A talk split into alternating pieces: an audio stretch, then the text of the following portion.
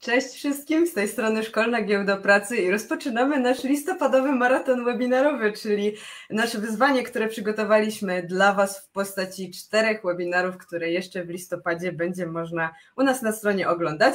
I dzisiaj pierwszy z nich. Dzisiaj porozmawiamy sobie o doradztwie biznesowym, a ze mną pan Dionizy Smoleń. Cześć Dionizy. Cześć Olu, witam wszystkich. Bardzo dziękuję za przyjęcie zaproszenia na nasz webinar. I w sumie, żeby nie przedłużać, myślę, że możemy już e, zacząć nasze spotkanie. Zaczniemy je od pytania najbardziej ogólnego, myślę, jakie da się zadać w tym temacie, e, bo mamy mówić o doradztwie biznesowym, więc gdybyś mógł nam wytłumaczyć, czym tak właściwie to doradztwo jest na samym początku. Oczywiście. Na, na wstępie bardzo dziękuję za zaproszenie i cieszę się, że się mogę, mogę z Wami spotkać. No, doradztwo, jak sama nazwa mówi, jest, jest współpracą, współpracą z klientem, e, polegającą na udzielaniu pewnych wskazówek, e, porad, e, służących temu, żeby albo rozwiązać jakiś problem po stronie, po stronie klienta, albo na przykład pomóc mu rozwinąć jeszcze bardziej jakąś działalność, czy, czy w jakiś sposób pomóc e, poprawić jego, e, jego sytuację. Oczywiście możemy mówić o doradztwie biznesowym, możemy mówić o doradztwie technologicznym, bardzo, bardzo ważnym w dzisiejszych czasach, o doradztwie prawno, prawno, prawno także podatkowym i oczywiście mamy też, też gałąź audytu, jeżeli już mówimy jakby o całokształcie funkcjonowania firmy doradczej. Okej, okay, dobrze. A jakbyś mógł nam jeszcze od razu powiedzieć, jak wygląda taki proces doradzania, że tak to już od kuchni, od tej twojej strony. E, czy to jest jakiś taki proces, gdzie macie po prostu schemat, jak to doradztwo przebiega, a w każdym przypadku to jest może inaczej? Jak to wygląda?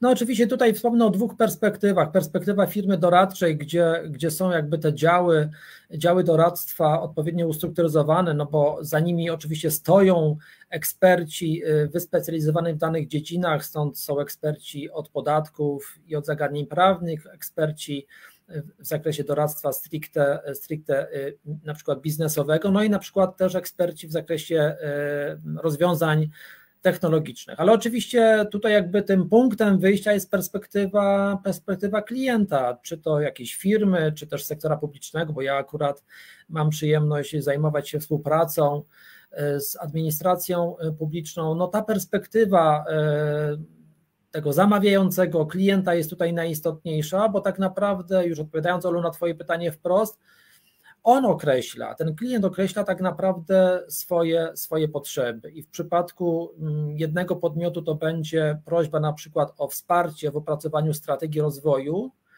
która, która wskaże w takim, takiej perspektywie wieloletniej to, jak firma powinna się, powinna się rozwijać, bądź na przykład jakaś instytucja sektora finansów publicznych to może być jakieś doradztwo związane z usprawnieniami w zarządzaniu, w takim bieżącym e, funkcjonowaniu, to może być doradztwo związane z, z adaptacją na przykład modelu biznesowego przedsiębiorstwa do, do, nowych, do nowych wyzwań, więc jakby tutaj bardzo ważne jest to, że to sam klient e, precyzuje i określa swoje potrzeby, a rolą doradcy jest y, umiejętnie jakby te potrzeby y, zrozumieć, wpisać się i oczywiście także zaproponować własne, własne działania. No pewnie to będziemy tego dotykać w kolejnych jeszcze tutaj pytaniach, ale bardzo ważna jest ta współpraca, współpraca y, i, i relacja między, między klientem a firmą doradczą, a doradcą. Czyli mm, ta współpraca przybiera formę takich, bym powiedziała, sesji, gdzie doradca spotyka się z klientem i po prostu po kolei przedyskutowują e, te problemy, z którymi klient się spotyka, czy jak to wygląda? Czy to jest na przykład e, bardziej, na przykład w Twojej pracy jest, to są to bardziej spotkania na żywo, czy powiedzmy wymienianie wiadomości? Jak to wygląda? Z czym się częściej można spotkać?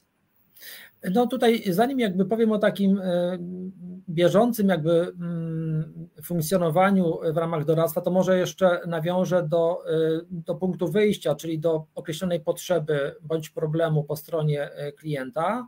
Ten klient definiuje ten swój problem bądź swoją potrzebę, a następnie identyfikuje mm, no, to, że potrzebuje, potrzebuje doradcy, zgłasza się do doradcy albo do doradców i wybiera często tych doradców, tak jak to funkcjonuje w, w sektorze publicznym w drodze, w drodze przetargów. I tutaj musi bardzo precyzyjnie określić ten cel. Czyli jakby co jest celem tego, tego doradztwa? Na przykład osiągnięcie jakiejś, y, podniesienie efektywności funkcjonowania y, instytucji albo opracowanie jakiejś strategii, jakiejś strategii rozwoju. I to określenie celu potem już przekłada się na, pewien, y, na pewną serię czy pewnych konkretnych już działań polegających na przykład na analizie jakichś dokumentów czy jakichś danych, E, na spotkaniach właśnie e, każdy projekt w zasadzie rozpoczyna się od takiego spotkania pomiędzy, pomiędzy doradcą a, a klientem, czy pomiędzy klientem a doradcą, gdzie to spotkanie służy doprecyzowaniu przedmiotu współpracy. No i tak jak Olu powiedziałaś, te spotkania, warsztaty, na przykład z ekspertami też po stronie klienta są, są bardzo ważne. Takim też do takiego wachlarza narzędzi doradczych należą także tak zwane wywiady pogłębione, czyli to są wywiady indywidualne z, na przykład z ekspertami po stronie, po stronie klienta. Częstą formą są warsztaty, czyli spotykamy się w szerszym gronie i coś wspólnie dyskutujemy jakiś problem, wspólnie szukamy, szukamy rozwiązań albo wspólnie staramy się lepiej zrozumieć istotę, istotę sprawy. Są także spotkania nieco w szerszym, e, szerszym gronie. E, też czasem wykorzystujemy panele eksperckie, gdzie także zapraszamy, zapraszamy jeszcze ekspertów. E, w ramach projektów dla sektora publicznego są przewidziane także spotkania też z mieszkańcami, z organizacjami pozarządowymi, z przedsiębiorcami, naukowcami, Często też są też bardziej formalne konsultacje społeczne, więc jakby ten wachlarz działań i jakby sposobów, w jaki, w jaki doradca kontaktuje się z klientem i klient z doradcą jest bardzo szeroki. Okej, okay, dobra. Wiem, że może teraz mogę, za, mogę zadać bardzo takie mm, ogólne pytanie i na które ciężko będzie odpowiedzieć, ale może akurat zauważyłeś jakąś tendencję. Jeśli chodzi o taką długoterminowość takiej współpracy, to to oczywiście wiem, że to zależy i od sprawy, i od rodzaju doradztwa i tak dalej, ale czy tutaj można powiedzieć na przykład, że, że na przykład z jakimś klientem wiążecie się powiedzmy na rok, albo jest taka tendencja, że to jest na przykład tylko trzy spotkania, czy ile? Wiem, wiem że to jest bardzo ogólne pytanie, ale chodzi mi też o taką ogólną tendencję, ile to tak zazwyczaj trwa. No tutaj znowu muszę się odwołać do jakby tego celu, jaki stawia sobie klient związany z problemem, jaki chce rozwiązać, albo z jakimś usprawnieniem, jakie chce osiągnąć, i to determinuje czas realizacji e, projektów. Mamy niekiedy do czynienia z projektami, które trwają e, kilka tygodni, ale najczęściej też jakby posługując się projektami, które, które też mam przyjemność prowadzić w ramach sektora publicznego, to są zwykle wielomiesięczne projekty, dlatego że mm, żeby na przykład przygotować taką strategię rozwoju, y, no to najpierw y, jest potrzebna cała faza diagnostyczna, czyli służąca analizie y, danych, analizie tego, co już na ten temat zostało, e, co zostało już przebadane, czy zostało zidentyfikowane. Potem wchodzimy w pewną fazę już właściwych prac nad strategią, e, z czym się wiążą, wiąże seria spotkań z różnymi podmiotami, z różnymi ekspertami, z różnymi interesariuszami. Potem mamy sesje służące wypracowaniu na przykład misji, wizji, celów strategicznych, celów operacyjnych potem z kolei e, rozwiązań służących wdrażaniu strategii, czyli zapewnieniu temu, e, tego, że jak już będziemy wiedzieli, do czego dążymy jako podmiot, jako organizacja, co chcemy osiągnąć, no to jak będziemy ten cel osiągać, jak będziemy się do niego zbliżać. I proszę zwrócić uwagę, że to wszystko zajmuje czas, więc e, to jakby tłumaczy, że te projekty zwykle są projektami wielo, wielomiesięcznymi. Okej, dobrze, bardzo dziękuję za odpowiedź. Zanim jeszcze przejdziemy do następnego mojego pytania, to ja jeszcze przypomnę moim widzom, bo zdaje się, że nie powiedziałam tego na samym początku, e, że oczywiście macie możliwość zadawania nam pytań. To znaczy, e, teraz będziemy mieli tą część główną, gdzie ja postaram się w miarę, e, w miarę wyczerpać ten temat, który na dzisiaj mamy przewidziany, ale może już teraz macie jakieś pytania. Piszcie je oczywiście w komentarzach, żeby Wam nie uciekły absolutnie. I pod koniec z Dionizem postaramy się w miarę możliwości na Wasze pytania odpowiedzieć. E, także prosiłabym Was, żeby na bieżąco, jeśli coś Wam się pojawi, e, to żeby nie czekać, tylko po prostu pytanie nam w komentarzach zadać. Dobrze, Dionizy, ja bym Cię chciała jeszcze zapytać, jak tak zazwyczaj wygląda ścieżka kariery, ścieżka kariery e, w tej branży, bo no tutaj myślę, że kolejna, kolejne pytanie z serii nie ma jednoznacznej odpowiedzi, ale może coś jesteś nam w stanie w tym temacie powiedzieć. Jak najbardziej. Ta ścieżka kariery zwykle rozpoczyna się od praktyki, od stażu. E, to jest taki najbardziej, to jest taka najbardziej typowa ścieżka kariery w firmie doradczej, też w naszej firmie, w PWC, gdzie mamy rozbudowane bardzo, bardzo programy stażowe. Być może będziemy mieć okazję o tym jeszcze za chwilę nieco więcej powiedzieć. Czyli ta ścieżka kariery rozpoczyna się od, od stażu, od takiego powiedzmy kilkumiesięcznego stażu, który później może się przekształcić już w taką nawiązanie stałej współpracy i w, pracę i taką pracę w roli konsultanta, następnie starszego konsultantka, menedżera i, i stopniowego poszerzania zakresu swojej odpowiedzialności, także pięcia się po pewnej też hierarchii i Natomiast tutaj myślę, bym położył nacisk na tą kwestię coraz większej odpowiedzialności też za, za zadania.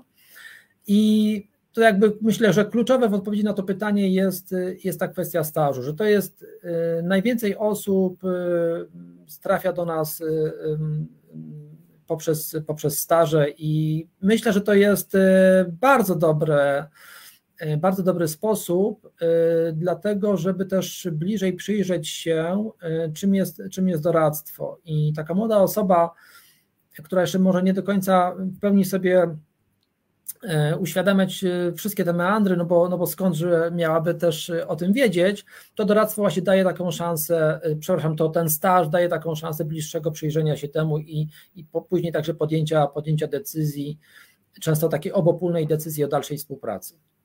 Bardzo się cieszę, że o tym wspominasz, bo akurat właśnie tym się zajmujemy, żeby e, wśród młodych promować to takie wczesne podejmowanie aktywności, jeśli chodzi właśnie o jakieś staże, wolontariaty, e, czy jakieś wczesne podejmowanie samej pracy już e, zarobkowej.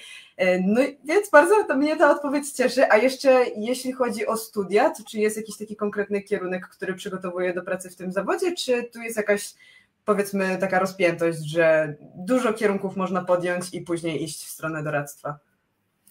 To tutaj, tutaj bym chyba uniknął jakiejś takiej jednoznacznej e, reguły, bo e, wydawać by się mogło, że studia oczywiście e, techniczne będą przygotowały do pracy w tym doradztwie technologicznym, to, to jest naturalne, ale w takim doradztwie biznesowym zwykle przeważają te kierunki ekonomiczne, ale mamy także osoby po studiach, nazwijmy to humanistycznych, które sobie świetnie, świetnie radzą po politologii, po, po socjologii, więc, więc takie przygotowanie ekonomiczne jest bardzo ważne, ale, ale generalnie e, zachęcam osoby, które mają, czy które myślą o studiach zarówno ekonomicznych, jak i humanistycznych, czy prawniczych, tak naprawdę, tak naprawdę myślę, że kluczowe w pracy doradczej jest, są pewne pewne cechy na nabycie pewnych umiejętności, bo, bo tą wiedzę można, e, można posiąść, więc zachęcam osobę e, po każdych studiach, albo które są e, niezależnie od tego, na jakim kierunku studiów są do zainteresowania się doradztwem.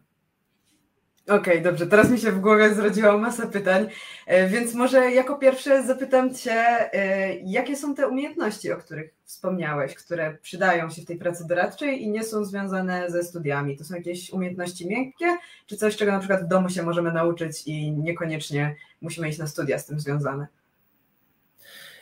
To znaczy, żeby, żeby tak może też trochę starać się całościowo spojrzeć na sprawę, no to w pracy doradczej ważne są te umiejętności merytoryczne, to, to, to jest oczywiste. Natomiast ta druga strona medalu to są właśnie te umiejętności miękkie, o których teraz mówimy. To jest ta umiejętność e, analitycznego myślenia, to jest umiejętność e, pracy zespołowej, e, to jest ta umiejętność także budowania określonej relacji z, z klientem, no to nawet bym zaryzykował takie twierdzenie, też pewna dociekliwość e, w zakresie tego, czym się, czym się zajmujemy, też branie też odpowiedzialności e, za to, za to, co robimy, czyli tak naprawdę, tak naprawdę i też pewna zdolność i umiejętność na przykład uczenia się nowych rzeczy, mm, szybkiego, szybkiej adaptacji do, do nowych sytuacji. Praca w doradztwie moim zdaniem ma też taką pozytywną bardzo cechę, że wiąże się też z różnorodnością y, projektów, bo oczywiście, że zaczynamy specjalizować w jakiejś dziedzinie, ale tak naprawdę mamy do czynienia z różnymi klientami, z różnymi rodzajami projektów i to w pewnym sensie wymusza, ale też uważam w bardzo rozwojowym sensie,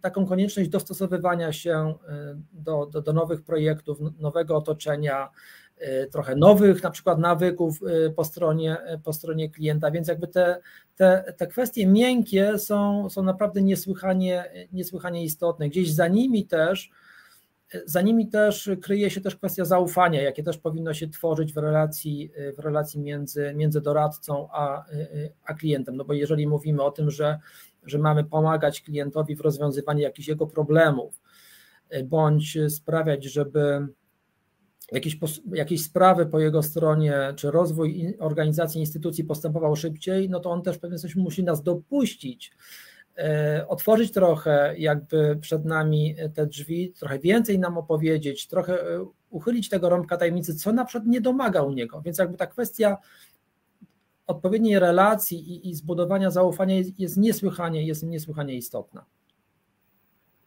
Dobrze, czyli w takim razie doradca biznesowy jest tak jeśli mogę to tak kolokwialnie nazwać, człowiekiem orkiestrą, zgadza się? Zarówno jeśli chodzi o te umiejętności miękkie, jak i właśnie obszary działań, którymi się zajmuje pod względem tym merytorycznym, zgadza się? No, podoba mi się to, e, podoba mi się to porównanie. Myślę, że ono jest, e, myślę, że ono jest bardzo adekwatne, mm, bo ono też pokazuje w pewien sposób e, i z jednej strony skalę wyzwań, jaka stoi przed doradcą, ale z drugiej też sposób to pokazuje, jak bardzo to jest praca rozwojowa. Tak bym, tak bym to ujął, bo trzeba zarówno starać się być wyspecjalizowanym w określonej dziedzinie, czyli być w stanie y, dobrze zrozumieć daną dziedzinę, dobrze zrozumieć procesy, jakie funkcjonują na przykład u klienta, no i mieć też szereg rozwiniętych takich cech miękkich, o których rozmawialiśmy. Okej, okay, bardzo Ci dziękuję za odpowiedź. W zasadzie pytanie, które myślę powinnam Ci zadać na początku e, i zazwyczaj tak też robię, żeby sylwetkę prelegenta trochę naszym widzom przybliżyć, ale Dionizy, czy Ty byś mógł powiedzieć nam coś o sobie? To znaczy, jak ta Twoja e, droga edukacji i kariery wyglądała w doradztwie? No, e, tutaj ona nie była typowa w sensie stażu. Ja rozpocząłem swoją przygodę w doradztwie już mając za sobą pracę jako urzędnik służby cywilnej e, w administracji e, publicznej, więc po ukończeniu studiów, to były studia e, humanistyczne, historyczne.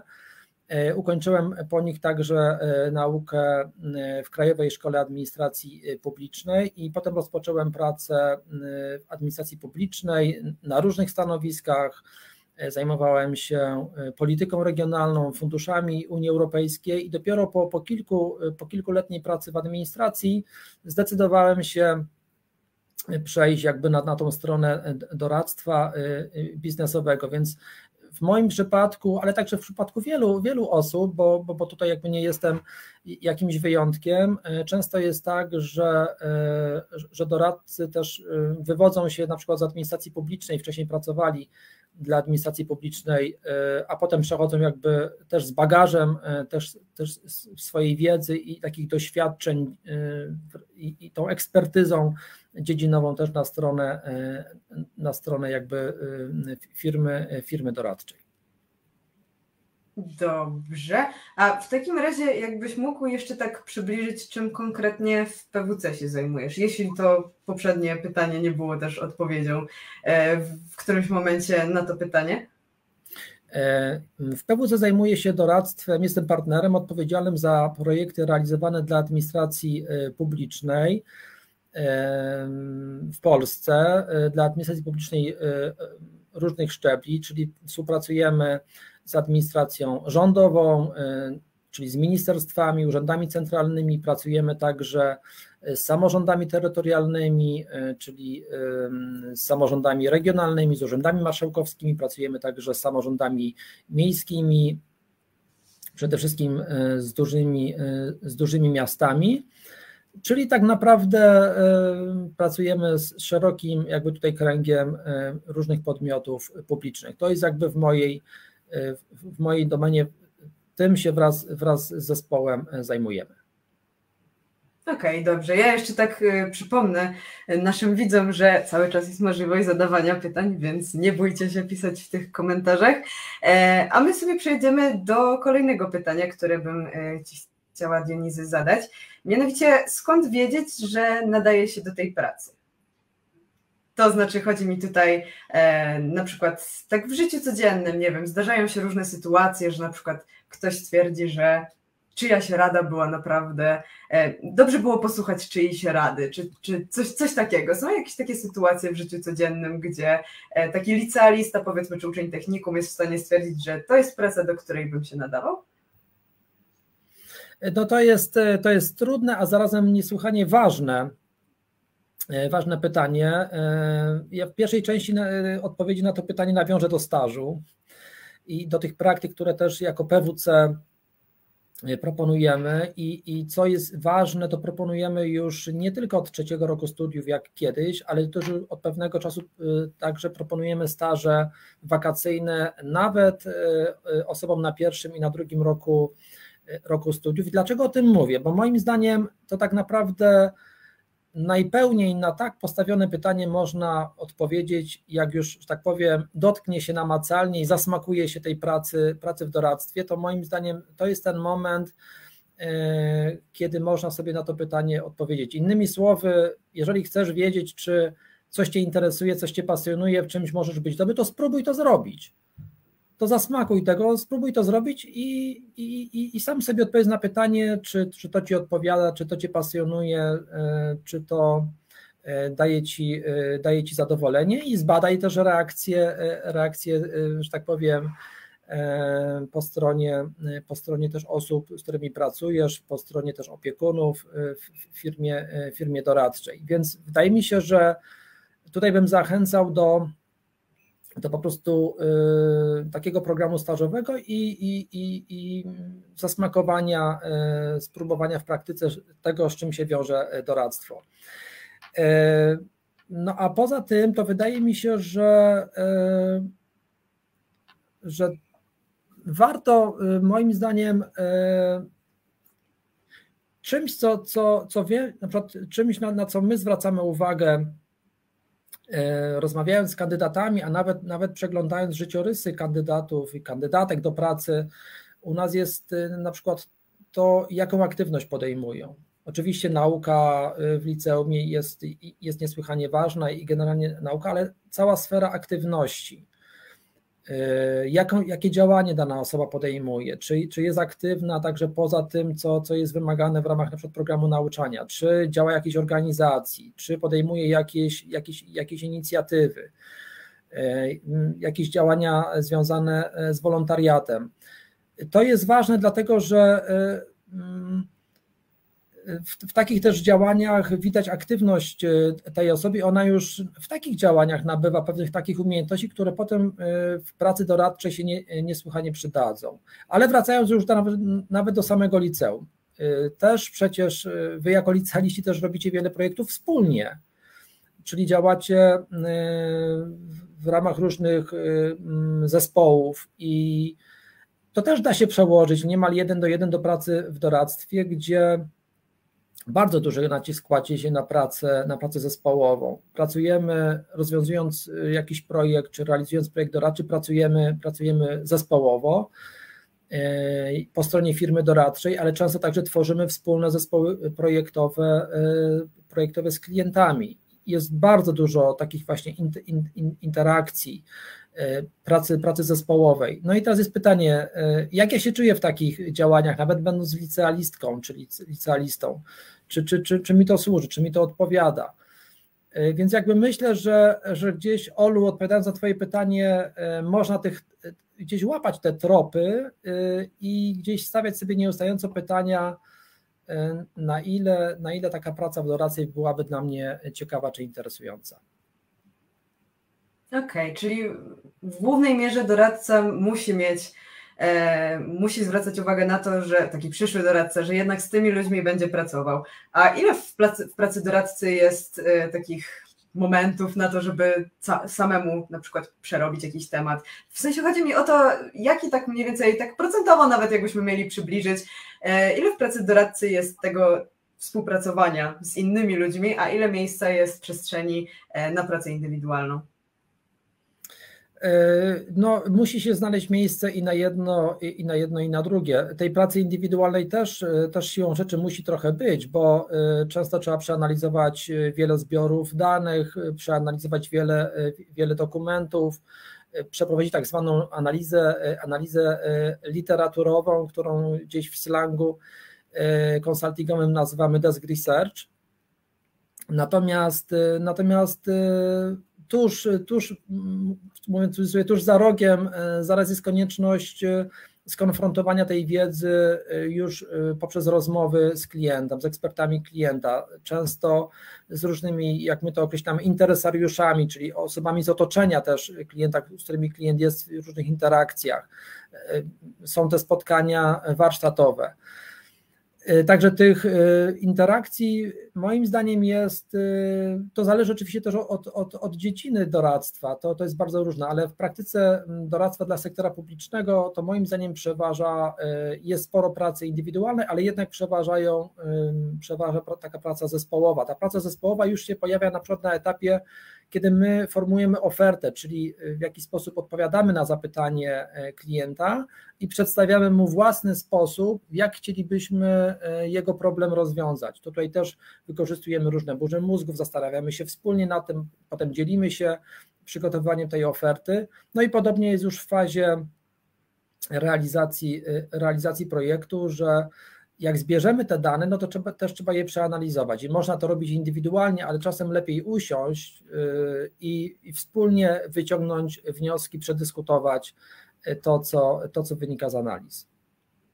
Dobra, bardzo dziękuję za odpowiedź. E, chciałam jeszcze zapytać, jeśli chodzi właśnie o taką pracę własną, już e, odchodząc od tego stażu, który, tak jak wspominaliśmy, jest tutaj bardzo ważny, jeśli nie kluczowy, jeśli chodzi o karierę e, w doradztwie biznesowym. E, z perspektywy właśnie takiego ucznia liceum czy technikum jest jakby. Mm, czy jest jakiś obszar wiedzy, gdzie na przykład te kompetencje można już sobie powiększyć? To znaczy już może niekoniecznie o te kompetencje miękkie mi chodzi, ale na przykład nie wiem, czytać jakieś konkretne książki, coś byś polecił w tym w tym zakresie? No tak, to też jest ciekawe pytanie. Ja bym zaczął od, znaczy moim zdaniem to, co jesteśmy w stanie wynieść ze szkoły średniej, z liceum i technikum, e, to się bardzo może przydać nawet jeden do jeden w pracy konsultingowej. No, myślę, takim dobrym przykładem jest nauka języków. Mhm. Niesłychanie, niesłychanie przydatna w pracy, w pracy doradczej. Języków nie jesteśmy w stanie się nauczyć w krótkim, w krótkim czasie, więc y, dobrze wykorzystana nauka w szkole średniej tutaj może odegrać kapitalną, kapitalną rolę. No, czymś, co, co, co ma też taki ścisły związek, są też przedmioty związane z podstawami przedsiębiorczości. E, ważną kwestią jest kwestia obsługi y, komputera, no i jednak trochę do tych umiejętności miękkich nawiążę i też jakby cała sfera pracy zespołowej, pracy, pracy zespołowej. Ale może jeszcze jeden przykład, e, bo na przykład e, jeżeli chodzi o pracę dla sektora publicznego, też opracowujemy też wiele opracowań, raportów, sprawozdań, strategii, czyli posiadanie tak zwanego dobrego pióra jest, jest ważne, czy pewne umiejętności mm, precyzyjnego i poprawnego formułowania e, te też e, wypowiedzi też w formie, formie pisanej. Przecież liceum e, i technikum, nauka w szkole średniej może do tego znakomicie, znakomicie przygotować. Okej, okay, dobrze. W takim razie. Mm, nie, mówię już o, nie mówię już o tak oczywistych sprawach jak, jak, jak jak nauka przedmiotów, jak, jak matematyka, czy inne przedmioty, które, które też są bardzo ważne pod kątem y, też analizy, y, analizy danych, czy opracowania pewnych, pewnych też zestawień statystycznych, to, to wydaje mi się oczywiste. Więc jakby no, traktowałbym tą naukę jako pewien fundament. Wiadomo, że potem na studiach następuje już pewna, e, pewna specjalizacja, no i wtedy dobrze to powiązać na przykład z jakąś praktyką krótszą bądź dłuższą, żeby, żeby sobie dać na pytanie, na ile ta praca w doradcy może być czymś e, dla mnie ciekawym.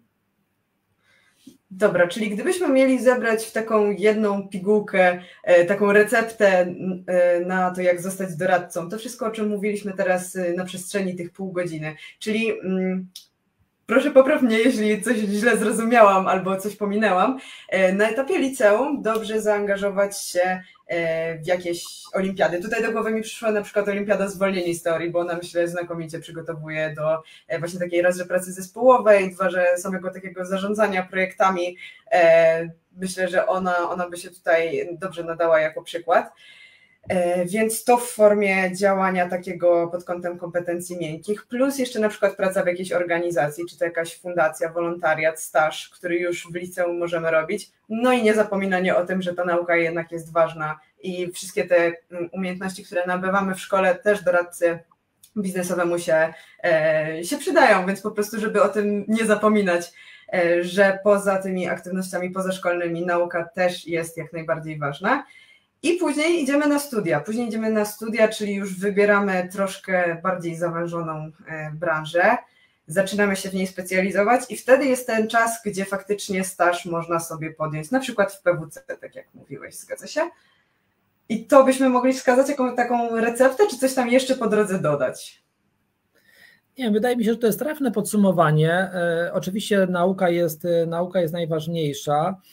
Jeżeli chodzi o tą dodatkową działalność, czy to w jakichś kołach, czy, czy, czy, czy jako wolontariat, czy, czy w różnych fundacjach, organizacjach, to nie formułowałbym tego jako warunku, ale raczej jako y, świetnej okazji do poszerzenia pewnych swoich umiejętności, także miękkich, które, no, proszę mi wierzyć, bardzo, bardzo się potem, y, potem przydają.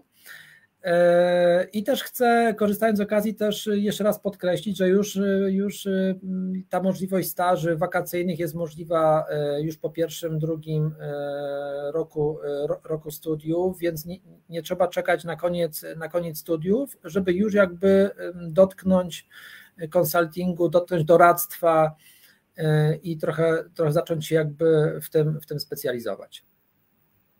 Okej, okay, bardzo dziękuję za odpowiedź. I myślę, że zanim jeszcze będziemy kończyć i przechodzić do ewentualnych e, pytań naszych widząc na branżę doradztwa biznesowego, czy byłbyś w stanie wskazać jakieś plusy i minusy tej branży? E, tak, oczywiście. Wydaje mi się, że wiele już e, tutaj plusów e, wskazałem, ale rzeczywiście może warto to, to jeszcze raz uporządkować. Wydaje mi się, że praca w doradztwie jest ciekawa, bo wiąże się z różnorodnością. Z różnorodnością związaną z różnorodnością projektów, z różnorodnością klientów. To wszystko nas bardzo wzbogaca i bardzo nas, bardzo nas rozwija. E, tutaj bym chciał położyć nacisk e, i też jakby trochę dotknąć specyfiki pracy w doradztwie. E, jakby w, w czym tkwi siła, siła doradcy i, i siła doradztwa? W kumulowaniu doświadczeń. No proszę sobie wyobrazić, że jakiś klient, jakiś podmiot, jakaś organizacja ma jakiś problem. I to jest problem, który został zidentyfikowany powiedzmy w danej, w danej chwili w, w, w organizacji, ale ten doradca przychodząc z odsieczą e, czy z pomocą, on przychodzi często z bagażem swoich doświadczeń dotyczących rozwiązania analogicznego, podobnego y, problemu czy sytuacji, powiedzmy, w jakiejś liczbie innych, innych organizacji. I on jest w stanie wnieść kapitalną wartość do tej firmy, bo, bo tak naprawdę ona będzie wynikiem wypadkową y, skumulowanego doświadczenia y, pozyskanego w całym jakby swoim portfolio doświadczeń, doświadczeń konsultanta. To, co jest niewątpliwie e, zaletą e, pracy w doradztwie, to także możliwość i, i, też w PWC, no to także możliwość pracy, e, pracy na projektach, na projektach międzynarodowych, też w środowisku, w środowisku, w środowisku międzynarodowym. Jak rozmawiamy też z, z naszymi stażystami, oni, oni często są właśnie bardzo pozytywnie zaskoczeni tym, że że może jakieś ich wyobrażenia takie stereotypowe e, były takie, że no oni będą tutaj robili jakieś takie mm, pomocnicze bardzo, e, bardzo funkcje, to często okazuje się, że, że ich udziałem jest praca na, na dwóch, trzech projektach, czasem w środowisku międzynarodowych, bardziej zaawansowani, czy już jakby po jakimś okresie e, stażu e, stażyści także mają też jakieś, jakieś interakcje z klientami, niekiedy biorą udział w spotkaniach z klientami, czy wspierają przeprowadzanie jakichś warsztatów.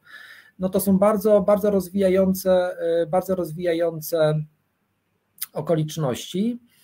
E, więc moim zdaniem tych zalet jest e, bardzo wiele. Można się uczyć od nieco bardziej doświadczonych e, konsultantów, konsultantek, zawsze zapytać o pomoc i, i to funkcjonowanie w takim środowisku jest bardzo rozwijające.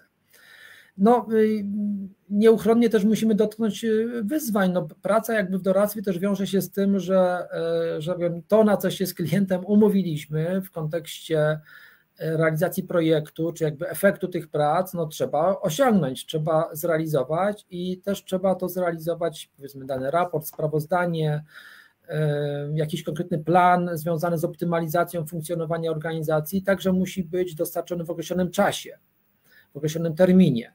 A jeśli tak, no to ten termin musi być dopełniony i to też wiąże się czasem z tym, że, że po prostu no ta praca musi być, musi być ukończona, więc y, ta dostępność y, w określonym czasie może być nieco y, większa, większa potrzeba. Czasem towarzyszy temu, temu stres. I, I, to jakby też trzeba wziąć pod, pod, pod, uwagę, natomiast jestem przekonany, że tutaj zdecydowanie przeważają, przeważają plusy związane, związane z możliwością i rozwoju, i, i ciekawej pracy, bardzo często także w międzynarodowym środowisku. Okej, okay, dobrze. Widzę, że póki co nam się żadne chyba pytanie od widzów nie pojawiło. E, no ale jeszcze powiedzmy, że ostatnia chwila, żeby ewentualnie Dionizemu jakieś pytanie e, zadać, bo myślę, że jedna z nielicznych takich okazji, gdzie na żywo macie możliwość o coś zapytać, więc myślę, że warto ją jak najbardziej wykorzystać. E, a ja jeszcze teraz chciałam zapytać, bo jest z nami Ilona, która aktualnie jest na backstage'u, a chciałabym się zapytać coś więcej o tą, o tą właśnie możliwość odbycia stażu w PWC. Ilona, ja Cię tutaj do nas włączę, dobrze? Dobrze, dobrze. Ja już tutaj, przepraszam, że w kurtce, okay. że zaraz idę na pociąg, więc tutaj e, jestem w gotowości. Więc e, tak, jeśli chodzi o staż, o którym wspomniał Dionizy, oferujemy w ramach PWC staż w postaci programu WEX. Jest to nasz program stażowy właśnie wakacyjny lipiec-sierpień, e, gdzie można sprawdzić się w dwóch zespołach w ramach naszych linii biznesowych PWC. Rekrutacja rusza na wiosnę i, i zawiera kilka etapów, czyli złożenie aplikacji, złożenie CV, następnie przejście przez nasz e, test analityczny w formie game-based assessment, czyli kilka e, gier rekrutacyjnych mających na celu sprawdzenie umiejętności analitycznego myślenia. Następnie przejście przez testy z języka angielskiego, który ma na celu zweryfikowanie, czy mówimy na poziomie minimum B2 oraz assessment center, gdzie badane są e, umiejętności takie jak whole leadership, relations, teamwork, i te umiejętności pozwalają zweryfikować rekruterowi, do jakiej do jakiego zespołu, jakiej linii biznesowej Y, osobę przydzielić. Także jest brana pod uwagę preferencja kandydata, ale też są pod uwagę, y, brane pod uwagę te kompetencje, które są zbadane podczas assessment center. No i taka osoba, jeżeli, jeżeli tutaj wykaże się odpowiednio, dostaje ofertę właśnie dołączenia do któregoś z zespołów na lipiec, następnie następuje rotacja w sierpniu, więc przez te dwa miesiące można u nas pracować w ramach oczywiście płatnych praktyk z możliwością przedłużenia współpracy e, to już musi, to już wychodzi zazwyczaj taka, taka oferta od, od menedżera zespołu, jeżeli chce się dalej z takim, e, z takim praktykantem współpracować na dłuższy okres, to jest możliwość jak najbardziej e, przedłużenia umowy na kolejne miesiące. Dobrze, wszystkie pytania, które miałam, praktycznie e, mi Ilona wyczerpałaś odpowiedzi na nie, więc jeszcze tylko się chciałam dopytać, jeśli chodzi o tą rotację, która jest lipiec, sierpień, czy to jest rotacja między działami, czy jak to wygląda? E, tak, to jest rotacja między działami, między działami w ramach naszych linii biznesowych. Mamy tutaj do wyboru e, zespoły linii serwisowej doradztwa biznesowego, doradztwa e, podatkowo-prawnego czy doradztwa strategicznego, także trzeba też, trzeba też sprawdzać na jakie, do jakich linii biznesowych mamy zapotrzebowanie w ramach programu UX na wakacyjne praktyki. To się właśnie ukazuje razem z rekrutacją na wiosnę, więc trzeba tutaj śledzić start naszej rekrutacji i jakie zespoły oferujemy w ramach programu UX i takie zespoły, że, że tak powiem, są do wyboru na, na ten okres dwóch miesięcy w ramach rotacji. Super, dziękuję bardzo za odpowiedź. W takim razie, jeśli nie ma więcej pytań od widzów, e, To ja jeszcze tylko wspomnę, że gdyby się Wam, drodzy widzowie, jakieś pytanie pojawiło później, bo wiem, że część z Was ogląda nas nie na żywo, tylko dopiero tam jutro, pojutrze.